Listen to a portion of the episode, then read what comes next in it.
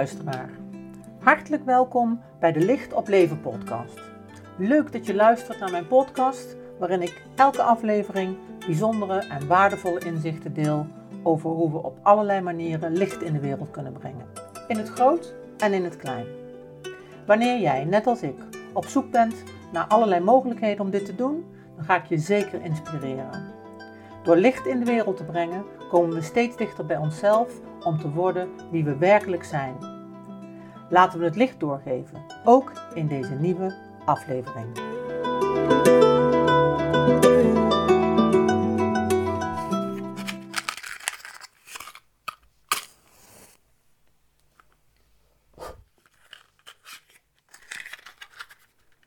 Zo, het lichtje is weer aan. Het uh, vaccinelichtje hier in het tempellichtje brandt voor mij. En zal ons ook deze vijfde podcastaflevering alweer begeleiden.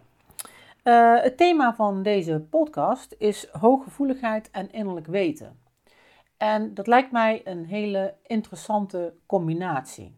En natuurlijk ga ik in op de begrippen hooggevoeligheid en ook over wat dan volgens mij uh, innerlijk weten zou kunnen zijn. Uh, maar zeker de verbinding daarin vind ik een hele interessante.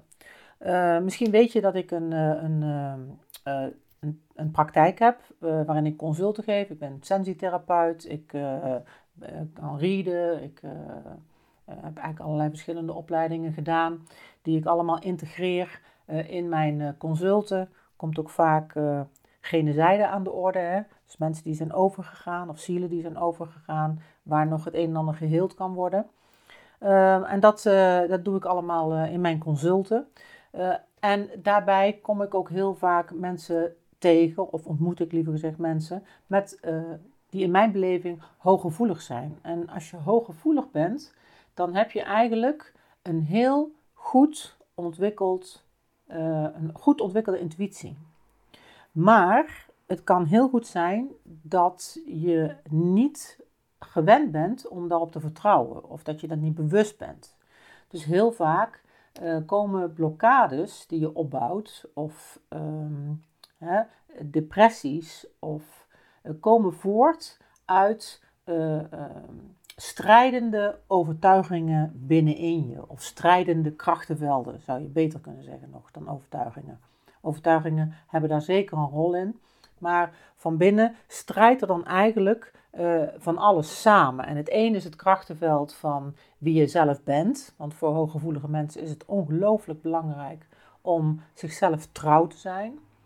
Uh, en aan de andere kant heb je ook het krachtenveld van alle energieën uh, die je ontmoet. Dat kunnen energieën zijn van, van mensen om je heen, hè, of die met bepaalde dingen bezig zijn of bepaalde dingen uitzenden.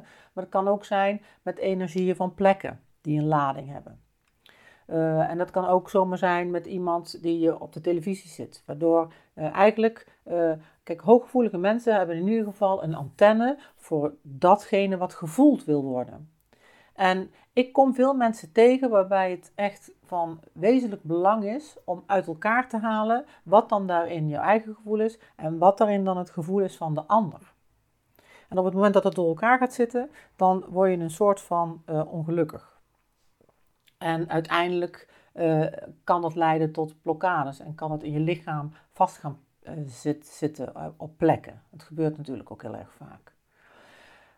Um, nou, hooggevoeligheid, dus mensen met hooggevoeligheid, die um, hebben dus een antenne eigenlijk. Een, een, een speciale antenne voor alles wat is. En dat gaat over waar we het net over hebben, de energieën, dus van jezelf en van anderen, maar gaat bijvoorbeeld ook over voeding. Dus heel veel hooggevoelige mensen die hebben last van allergieën of uh, intoleranties. Um, en um, uh, het, het komt allemaal wat nauwer, zou je kunnen zeggen. Dus het komt nauw wat je wel of niet eet. Het komt nauw uh, uh, wat je wel of niet denkt. En het komt ook nauw wat je wel of niet oppikt van een ander, omdat je anders gewoon heel erg vaak heel erg moe bent. Nou, dat is in ieder geval het voorbeeld waar het bij mij wel is begonnen. Nee, ik heb een, een, een, een vrij trubbelige jeugd gehad met een echtscheiding. Dus ik, was, ik voelde me heel vaak niet goed. Uh, dat is ook een beetje doorgelopen tot, tot, tot mijn studententijd. Maar toen ik ben gaan werken, toen kwam eigenlijk pas dat besef. Dat is toch alweer even geleden. Maar toen ik het onderwijs inging, toen kreeg ik natuurlijk, ieder uur kreeg ik tussen de 25 en 30 leerlingen voor mijn neus. En ik was echt, op het eind van de week kon je me helemaal bij elkaar rapen. Echt helemaal bij elkaar vegen. En langzaam, door de hulp die ik heb gezocht en door dingen die ik ben gaan lezen, kwam ik erachter dat ik gewoon heel erg open stond voor alle indrukken van iedereen uh, die bij mij bijvoorbeeld in het lokaal zat. En ik werd daar hartstikke moe van. Dus uiteindelijk ben ik uh, toen op een gegeven moment een opleiding Reading en Healing gaan volgen. En toen heb ik eigenlijk ontdekt uh, hoe je die knop uit kunt zetten. Ik was altijd afgestemd. Altijd afgestemd op de ander. Uh, en niet omdat ik dat wilde uh, of omdat ik daar, daar, daar goed mee wil doen. Ik wist gewoon niet hoe dat anders moest.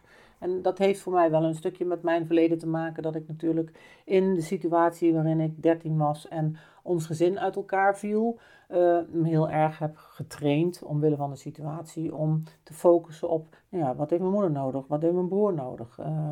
En niet dat ik daar allemaal aan kon voldoen, maar ik ben me daar wel heel erg op gaan afstemmen. Dus ik was, zonder dat ik het wist, afgestemd op de behoeftes van anderen. Uh, nou, ik ben niet voor niks de leerlingbegeleiding ingegaan natuurlijk. Maar uh, het werd me na een jaar wel duidelijk dat ik echt buitensporig moe was. En dat dat, uh, ja, dat is eigenlijk een beetje het begin geweest van mijn weg om met energieën te gaan werken. Zo van wat is van mij, wat is van de ander, hoe sluit je je af? Ook een hele belangrijke.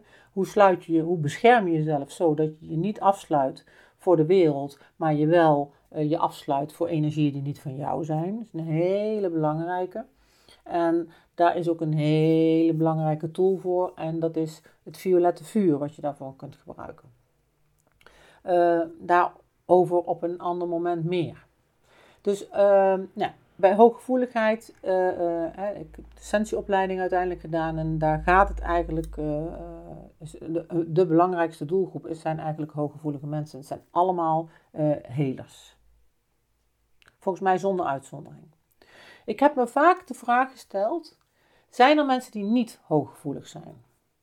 En die zijn er, denk ik zeker. zeker. Maar hè, als je kijkt naar percentages van mensen die hooggevoelig zijn, hè, dan zou 30%, 35% van de mensen zou hooggevoelig zijn. Ik denk dat dat aantal is toegenomen. Ik denk dat uh, er nauwelijks kinderen geboren worden zonder hooggevoeligheid.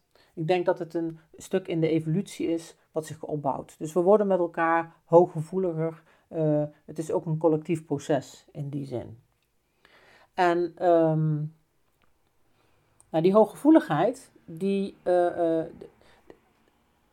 hooggevoeligheid, als je die antenne hebt, dan gaat in de regel het verloop van jouw leven bepalen wat je ermee doet, maar ook dat je er iets mee gaat doen.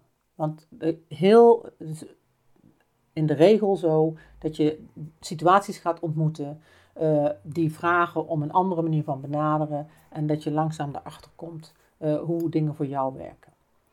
En ik zei het net al eventjes, het is ongelooflijk belangrijk dat je jezelf trouw bent.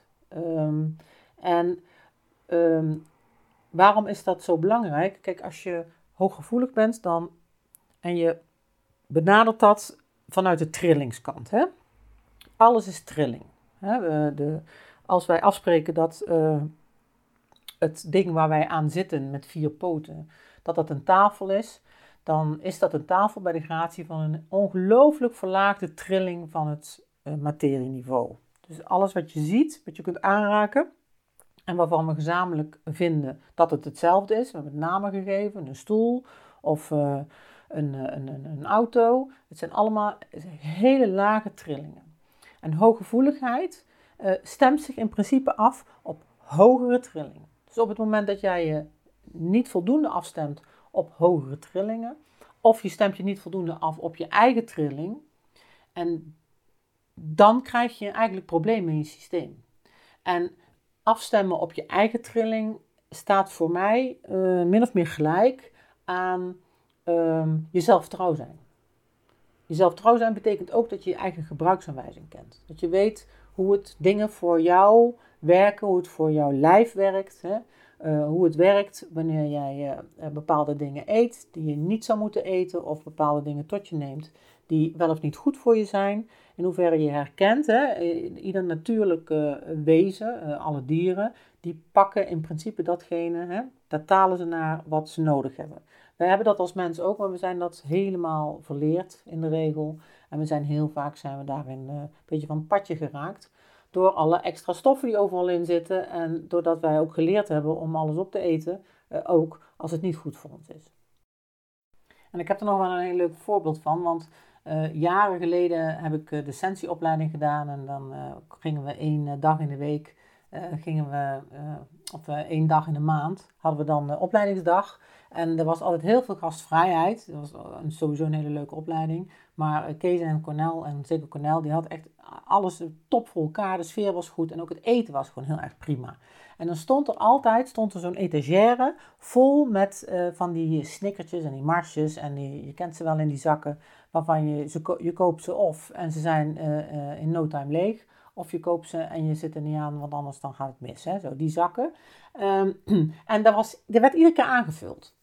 En gedurende die uh, dagen, die opleidingsdagen, werd, werden wij steeds meer ons bewust van voeding, uh, hoe je allergieën uit kon meten, waarom suikers zo slecht zijn. nou, weet je, dat ging natuurlijk, bouwde zich dat op naarmate wij meer informatie kregen over, over de inhoud van de cursus. En wat gebeurde er nou? Op een gegeven moment waren die, die schaal, die werd steeds minder gauw leeg. En je zag het gewoon gebeuren. En na een half jaar de, taalde niemand meer naar die chocola en die snickertjes. Heel, vond ik heel grappig uh, om te merken. En dat bemoedigt me nog steeds wel eens als ik uh, een periode heb waarin ik taal naar dingen die ik beter niet kan eten. En dan denk ik, nou, uh, bewustzijn wil ook wat. Dus maar goed dat me door laten dringen hoe het zit. En dan taal ik er vanzelf niet meer naar. Dus zo kan het ook. Hè? Een stukje bewustzijn doet daarin natuurlijk heel veel. Dus eh, daar zitten we ook op de overtuigingen gelijk. Hè? Dus we zitten op de lijn van de overtuigingen. Die hebben natuurlijk ongelooflijk veel te maken met hoe dingen voor ons werken, waar we in geloven. Als we geloven dat we recht hebben op een zak chips, dan wint dat het in de regel van het geloof dat het niet zo goed voor ons is. Ik, heb, eh, ik ben een, een, een, een roker geweest, dus weet je, uh, mijn uh, geloof in het belonen van situaties met een sigaret was vele malen sterker dan de overtuiging en het wakker houden van de overtuiging dat het natuurlijk helemaal niet goed is voor je. Dus de overtuigingen op alle niveaus hè, en over, alle thema's, die zijn echt van heel essentieel belang. En er komt zeker nog een keer een podcast over uh, geënt op overtuigingen. Want we hebben er ongelooflijk veel waar we geen weet van hebben. En het is eigenlijk ongelooflijk belangrijk om die een keer onder de loep te nemen. Ik heb, vorig jaar heb ik een NLP-opleiding gedaan.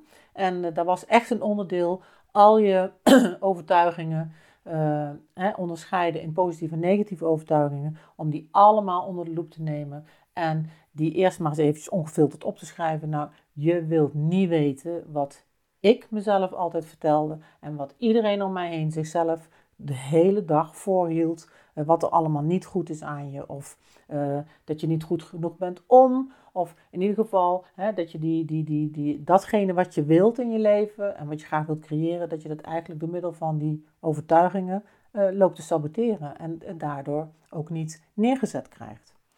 Um, nou, dus dat is een, als het gaat over die overtuigingen, dan kom ik op een ander moment zeker nog op terug.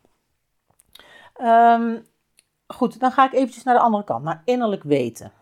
Uh, innerlijk weten is een, voor mij uh, uh, een heel essentieel iets. En ik ken heel veel mensen voor wie het heel erg belangrijk is. Maar ik ken ook heel veel mensen waarbij het helemaal niet zo'n grote rol speelt. Um, maar iets in mij vertelt mij altijd of iets klopt of niet. Er is altijd iets aanwezig wat de situatie beschouwt ook al zie ik mezelf reageren op bepaalde manieren en reageren, kan ik ook vanuit emotie reageren natuurlijk. Er is altijd bij mij iets ook wat uh, ziet dat ik reageer. Um, en um, ja, dat, is een, uh, een, een, dat heeft te maken met innerlijk weten en ook met door, dat is wel echt wel door schade en schande wijs geworden, doordat ik echt verschrikkelijk veel dingen heb meegemaakt en, en echt wel alle hoeken en kanten van mijn ziel heb gezien in verschillende periodes in mijn leven. en daarin ook echt de conclusie heb getrokken van, ja, uiteindelijk ben ik echt de enige die voor mezelf weet hoe het zit. Echt de enige. En ik kan te raden gaan, dat doe ik ook. Uh, en er zijn zelfs periodes geweest waarom ik om me heen echt niemand als klankbord meer vond. En ik alleen maar naar boven kon kijken. Uh, van nou, dat lijntje te voeden en daarna te luisteren van wat wordt daar gezegd. Ehm, hè, hoe, hoe verder? Of wat wijs is om te doen of wat goed is om te doen. Dus kijk, dat innerlijk weten, dat heeft voor mij, als het gaat over de meditatie-yoga-achtergrond die ik ook heb, alles te maken met het hartchakra in combinatie met het zesde chakra. Dus het hartchakra is het kruispunt eigenlijk hè, van de horizontale en verticale lijn, uh, fysiek gesproken. Denk aan de Vitruvian Man. Ik heb ooit een bronzen beeldje gemaakt van de Vitruvian Woman. omdat het natuurlijk voor de vrouw even zo goed geldt als voor de man. maar in die uh, van Leonardo da Vinci, die Vitruvian Man, die staat in een cirkel, zo'n figuur, met uitgestrekte armen en met uitgestrekte benen. En dan zie je heel duidelijk die horizontale en die verticale lijn. En de verticale lijn, die zegt alles over je gronding van beneden naar boven en je verbinding. En die horizontale lijn zegt alles over uh, het leven nu, het moment nu, uh, de mensen om je heen, uh, de context waar je je nu in bevindt. En als je die twee met elkaar verbindt, hè, of in een lijn voorstelt, dan kruist dat precies je hartchakra. En daar zit dus ook het centrum van zijn en handelen. En dat is zeg maar, ja, eigenlijk is je hart de belangrijkste graadmeter. Wij hebben hier geleerd dat ons hoofd een hele belangrijke graadmeter is. En alles is bij ons wel, nou ja, alles, maar wel heel veel is geconditioneerd vanuit het hoofd, vanuit de redenatie, vanuit uh, de ratio. Maar uiteindelijk uh, gaat het er in onze ontwikkeling om dat we die ratio ondergeschikt stellen aan het hart. Dat wil niet zeggen dat we hem niet hebben of niet willen hebben. Nee, nee, nee. Nee, die ratio is echt ongelooflijk belangrijk, want die kan ongelooflijk goed dienst doen voor die hartenergie of voor datgene wat je vanuit je hart de wereld in wilt zetten. Dus het is een volgorde kwestie. Het is niet of-of. Heel veel mensen zeggen, ja, maar ik, ik, ik, ben, ik, ben, niet, ik ben niet zo. Hè? Uh, maar daar heeft het niet mee te maken, want we hebben dat allemaal. Alleen het is van, van belang dat je het in jezelf gaat herkennen. En wat is nou van wat? En hè, komt dit uit mijn hoofd of komt het uit mijn buik? Intuïtie, hè? En op het moment dat die twee in evenwicht zijn, dan kom je eigenlijk altijd uit bij je hart. De kortste samenvatting van in het nu zijn, hè, want als je in het nu bent, zit je eigenlijk automatisch in je hartenergie. Um, en de beste bewijs, de kortste variant van Eckhart Tolle, beste bewijs dat je in het nu bent, is dat je in contact bent met je ademhaling. Nou, dus ademhaling, ademhaling, ademhaling blijft van ongelooflijk groot belang om die minstens te beschouwen en het liefst natuurlijk zo laag mogelijk te hebben en houden. Want dat voedt je hele systeem op een hele gezonde manier. Als je continu uh, boven je hart loopt ademhalen, dan krijg je het ontzettend benauwd en dan uh, krijg je zuurstoftekort. En dan kan die hele doorstroom, daar kun je je beslist iets bij voorstellen, die hele doorstroming, die is niet meer goed en dat levert natuurlijk uh, blokkades op. Zo werkt dat. Um, Oké. Even terug naar wat ik was gebleven. Dus ehm, dat innerlijk weten had ik het over. En um, wat is waar? En hoe weet je of iets waar is? En mijn innerlijk weten is enorm, uh, um, hoe ik dat zeggen, uh, ontwikkeld geworden uh, door, ook door meditatie en yoga. Uh, doordat op het moment dat je die hartenergie continu aanspreekt en daar uh, hè, alles uh, naartoe laat gaan of de rest ten dienste stelt van je hartenergie en je pakt je zesde chakra daarbij, want daar had ik het over, dan zitten we op het stuk van het waarnemen. Die zesde chakra, die, dit is de, die aina, die zit tussen je wenkbrauwen, hè, waar ze in het hindoeïsme zo'n prachtige stip hebben. En uh, die, die zesde chakra, die, die gaat over de waarnemer, over bewustzijn. En die is ook verbonden met de hypofyse, epifyse. En het interessante daarvan is, ehm, die staat ook in nauw verband met bewustzijn. Dat staat ons hele systeem natuurlijk, maar gaat wel voor een laat ik het zo zeggen, die zesde chakra is daar een heel essentieel onderdeel van. En dan wil ik toch even stilstaan bij wat bewustzijn dan is. Uh, bewustzijn uh, is, is niet alleen maar uh, wat we weten of wat we voelen of wat we zien. Nee, bewustzijn, puur bewustzijn, is datgene wat weet dat we, dat, datgene dat weet hoe we hebben geslapen. Als je s'morgens opstaat, dan weet iets in jou altijd hoe je geslapen hebt. En als je heel goed hebt geslapen, je hebt als een roos geslapen, dan word je s'morgens wakker en denk je, oh, ik heb zo heerlijk geslapen. Maar hoe weet je dat nou? Want je was aan het slapen. En dat weet je omdat er iets is in jou wat dat gadeslaat. En dat kun je ontwikkelen. Er zijn ook hele yoga-stromingen uh, uh, die daarmee bezig zijn om, om dat te ontwikkelen, dat bewustzijn, dat wakker houden. maar dit is eigenlijk het belangrijkste en, en meest gemakkelijke voorbeeld, omdat we dat allemaal kennen. We hebben allemaal weet van hoe we geslapen hebben. En er is dus iets wat dat uh, gadeslaat. En dat is pure bewustzijn. Nou is het best wel een hele kunst natuurlijk om dat bewustzijn uh, um, te herkennen los van, onze, hè, los van dat wat we verlangen en los van al die ego-zaken, zeg maar. Hè. Dus wat we willen, wat de, de, honger of de trek die we hebben. Honger hebben we in ieder geval niet, uh, maar wel trek. En datgene wat je verlangen is, hè, de, dingen die je najaagt, hè, worden natuurlijk allemaal heel erg uitgenodigd hier om van alles te willen hebben. Maar dat zijn uiteindelijk allemaal verlangens die met dat bewustzijn echt helemaal niets van doen hebben. Dus dat bewustzijn, Waarom vertel ik dit? Omdat dat weer alles te maken heeft met je innerlijk weten. Dus hoe groter dat bewustzijn, hoe groter ook het, dat innerlijk weten. En kijk, hoe het precies zit, kan ik je niet uitleggen, maar ik voel me heel erg verbonden met heel veel mensen die uh, uh, allemaal uh, een appel doen op hun innerlijk weten. En of dat dan een sjamaan is, hè, die dat op, vanuit de traditie op bepaalde manieren doet, of dat dat een Gandhi is die dat op zijn manier de wereld in heeft gezet, of dat dat een Martin Luther King is, of dat dat de Indianen uit Peru zijn, of dat dat, nou ja, zo kan ik nog even doorgaan. op de een of andere manier is voor mij het innerlijk weten ook het aanhaken aan een bepaald veld. Aan het veld van weten, aan het veld van wijsheid. En dat is niet persoonsgebonden, dat is bewustzijnsgebonden. Dus dan hebben we het hier over universele principes. Hè? Over de kwantumfysica, over datgene wat uh, allemaal uh, uh, in elkaar moet gaan vallen.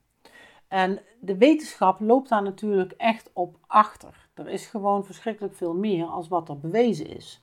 En um, nou, dat, dat, is eigenlijk 1 en 1 is 2, want de wetenschap maakt gebruik van datgene hè, wat zich aanbiedt, aandient uh, in de wereld en kan dus alleen maar minder zijn dan datgene wat er is.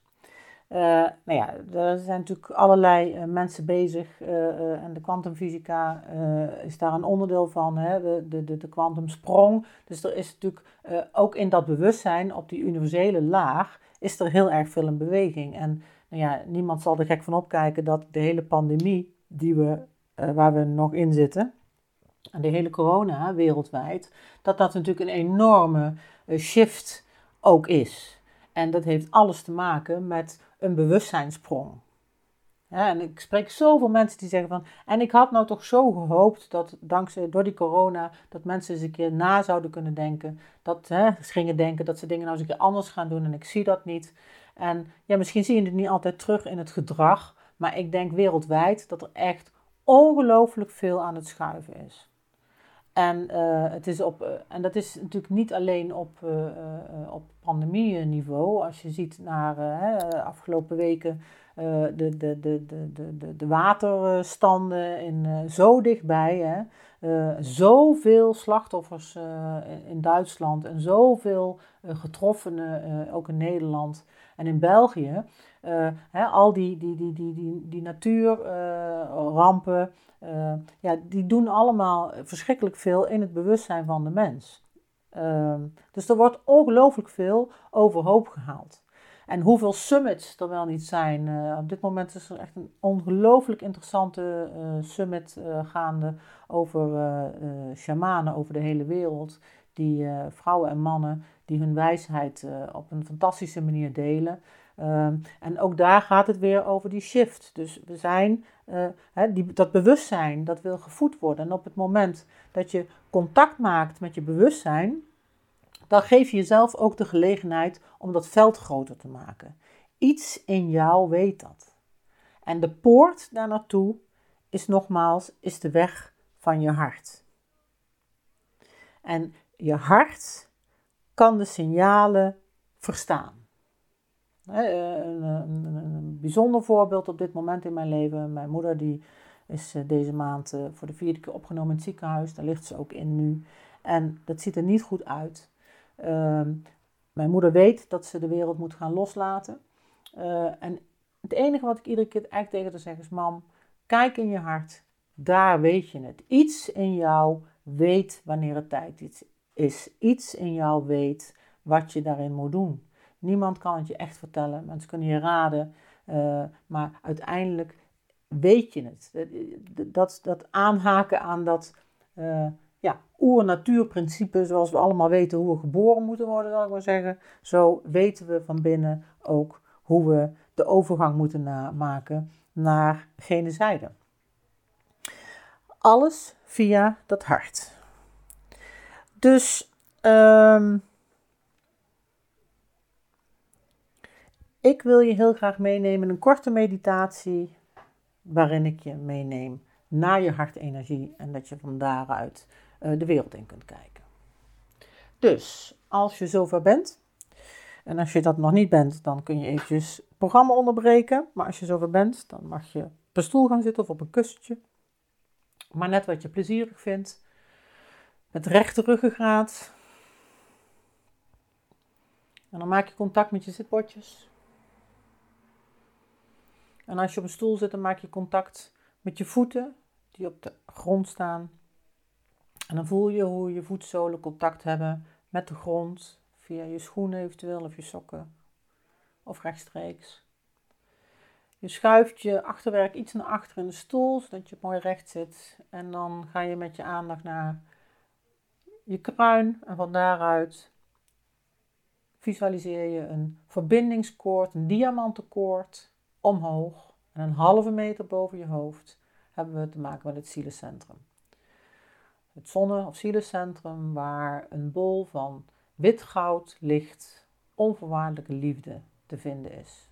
Een bron, een onuitputtelijke bron waar we ons continu mee kunnen verbinden en waar we ook energie uit op kunnen halen. Vanuit onze stuit visualiseren we een holkoord, zo diep mogelijk de aarde in en dat verbinden we daar met het moederkristal in het hart van Moeder Aarde. En dan verbinden we ons daarmee met een wit-gouden, glinsterende energie.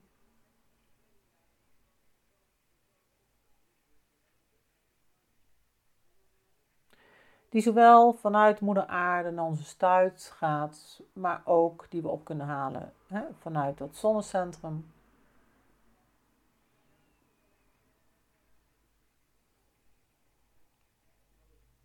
En dan stel je je voor dat zo'n 30 centimeter onder de aarde, dat daar ook een chakra is, de aardesterchakra. En die aardesterchakra die staat, die is verbonden met het grid rondom de aarde. Dus rondom onze aarde hebben we een, voor het blote oog niet zichtbaar grid. Uh, de, de driedimensionale, sorry, de driedimensionale eh, flower of life zou je dat kunnen noemen.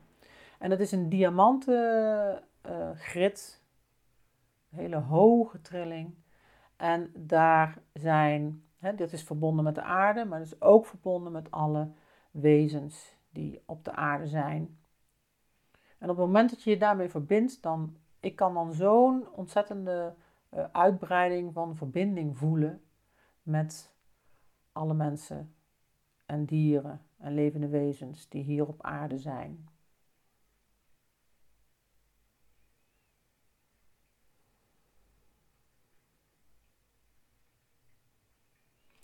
Dan ga je met je aandacht naar je ademhaling.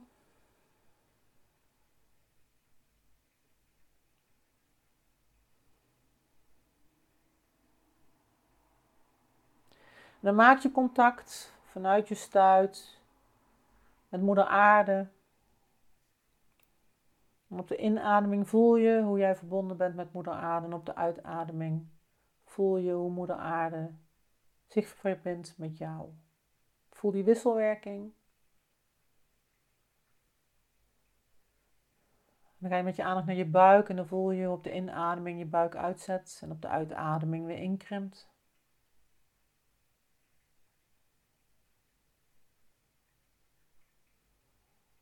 Dan ga je met je aandacht naar je borstgebied. En dan voel je hoe op de inademing je borstbeen oprijst en op de uitademing weer daalt. En met je aandacht naar je keel en dan voel je zonder dat je er iets hoeft te doen, op de inademing, hoe je een soort van sa-klank hoort en op de uitademing een soort van ha-klank.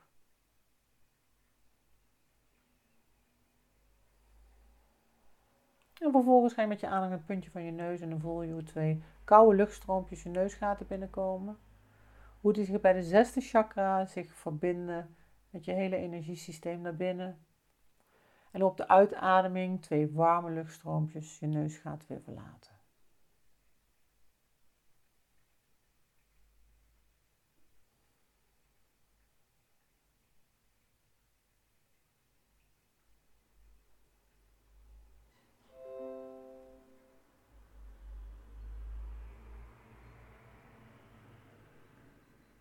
En dan voel die ademhaling, voel waar die zit.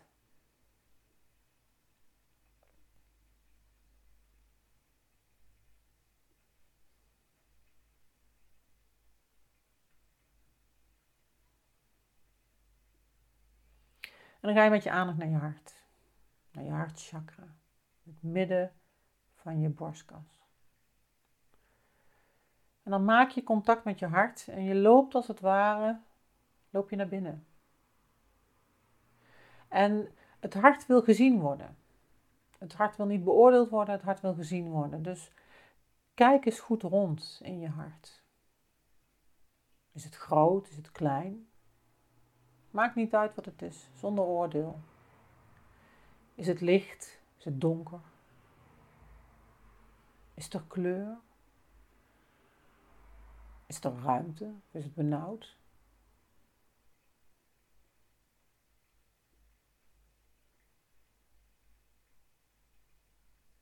En als je hart wat lucht nodig heeft, dan geef hem dat of haar.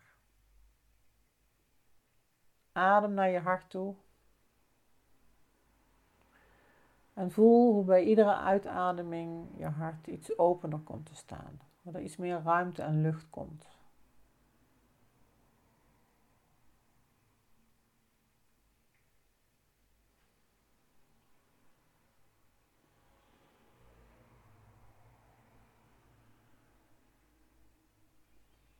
En voel hoe het met je hart gesteld is.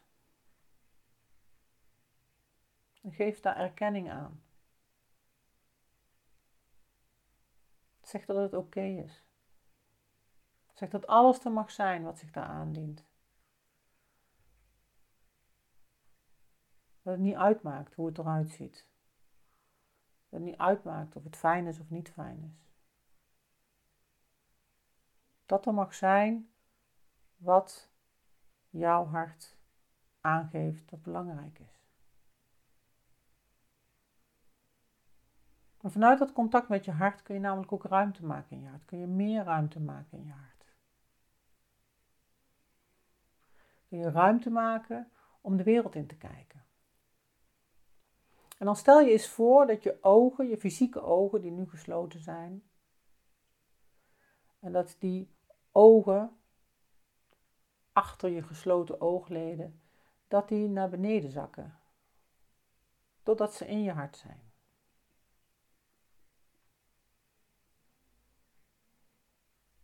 En dan maak van je hart een comfortabele plek. Zet er een stoel in of een bank. Zodat die ogen vanuit een hele prettige, comfortabele positie de wereld in kijken. En dan neem eens even de tijd om vanuit deze plek de wereld in te kijken. En te kijken wat er nodig is. Wat jij nodig hebt.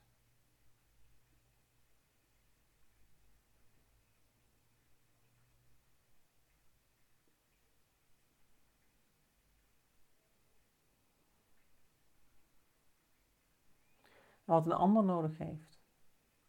Specifieke mensen in je omgeving. Specifieke groepen. Kunnen we onze hartenergie delen door het sturen van licht bijvoorbeeld. Het visualiseren van zonnestralen en al die mensen die getroffen zijn door het water.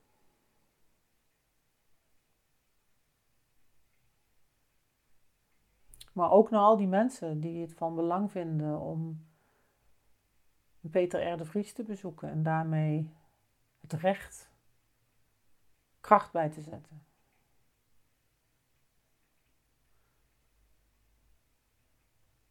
We kunnen nog een stapje verder gaan. Ook genoeg ruimte hebben om die mensen die dat licht willen doven, de moordenaars. Of we die ook licht kunnen sturen en niet om hun daden te vergoeilijken. Maar om alles en iedereen tot zijn recht te laten komen.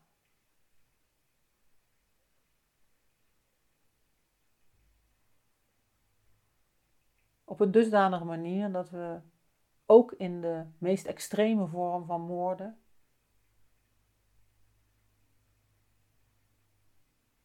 kunnen leren, ons blijven bewust worden.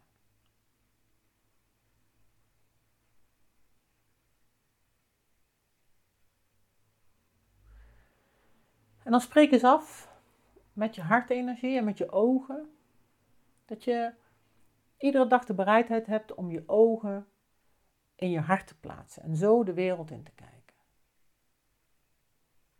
En zo met de liefde van je hart naar situaties te kijken. Maar kijk eens wat het met je doet. En je zult zien dat het een wereld van verschil is.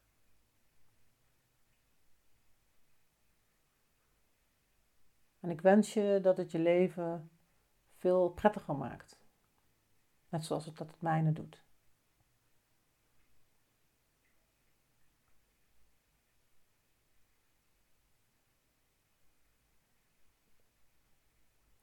En weet je dan verbonden vanuit deze energie met alle levende wezens.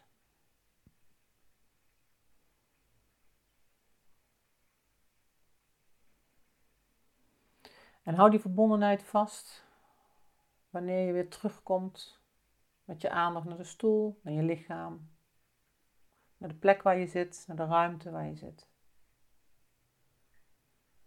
En dan neem even de tijd om je handen te wrijven. Om de warmte van je handen voor je ogen te brengen. En je ogen te openen in je gesloten handpalmen en dan heel rustig je handpalmen van je gezicht af te wenden, zodat je heel rustig weer in het licht komt, in het daglicht komt.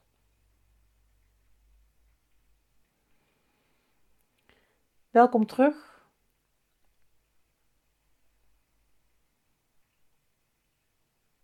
Blijft altijd bijzonder om dit eh, te mogen doen.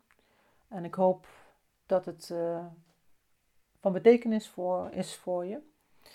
Uh, ja, het, het, het, laatste is natuurlijk de rubriek Creatief met licht.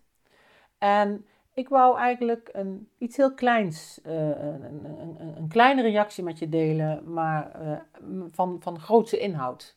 En uh, een van mijn oud-leerlingen, die woont inmiddels in Noorwegen, en die appte mij op de dag van de lancering van de podcast. Car, ik heb je op mijn oren gehad bij mijn workout vanochtend, toen ik mijn oefeningen deed. En ik ben uiteindelijk beland op een bankje met mijn ogen dicht. En ik vond dat een ongelooflijk ontroerend berichtje. En we hebben elkaar diezelfde dag even gesproken. En hij zei: Ja, eigenlijk is het natuurlijk gewoon heel eenvoudig om het licht door middel van een vriendelijk woord de wereld in te brengen. Of zei hij, wat ik ook heel vaak doe, is mensen op voorhand te bedanken. Nou, dat vond ik een hele mooie. Mensen en situaties op voorhand bedanken en daarmee de weg vrijmaken om daar de creatie naartoe te laten komen. Dat is een hele mooie. Dus ook al zitten we aan het eind van de aflevering, hartelijk bedankt voor het luisteren en uh, heel graag tot de volgende.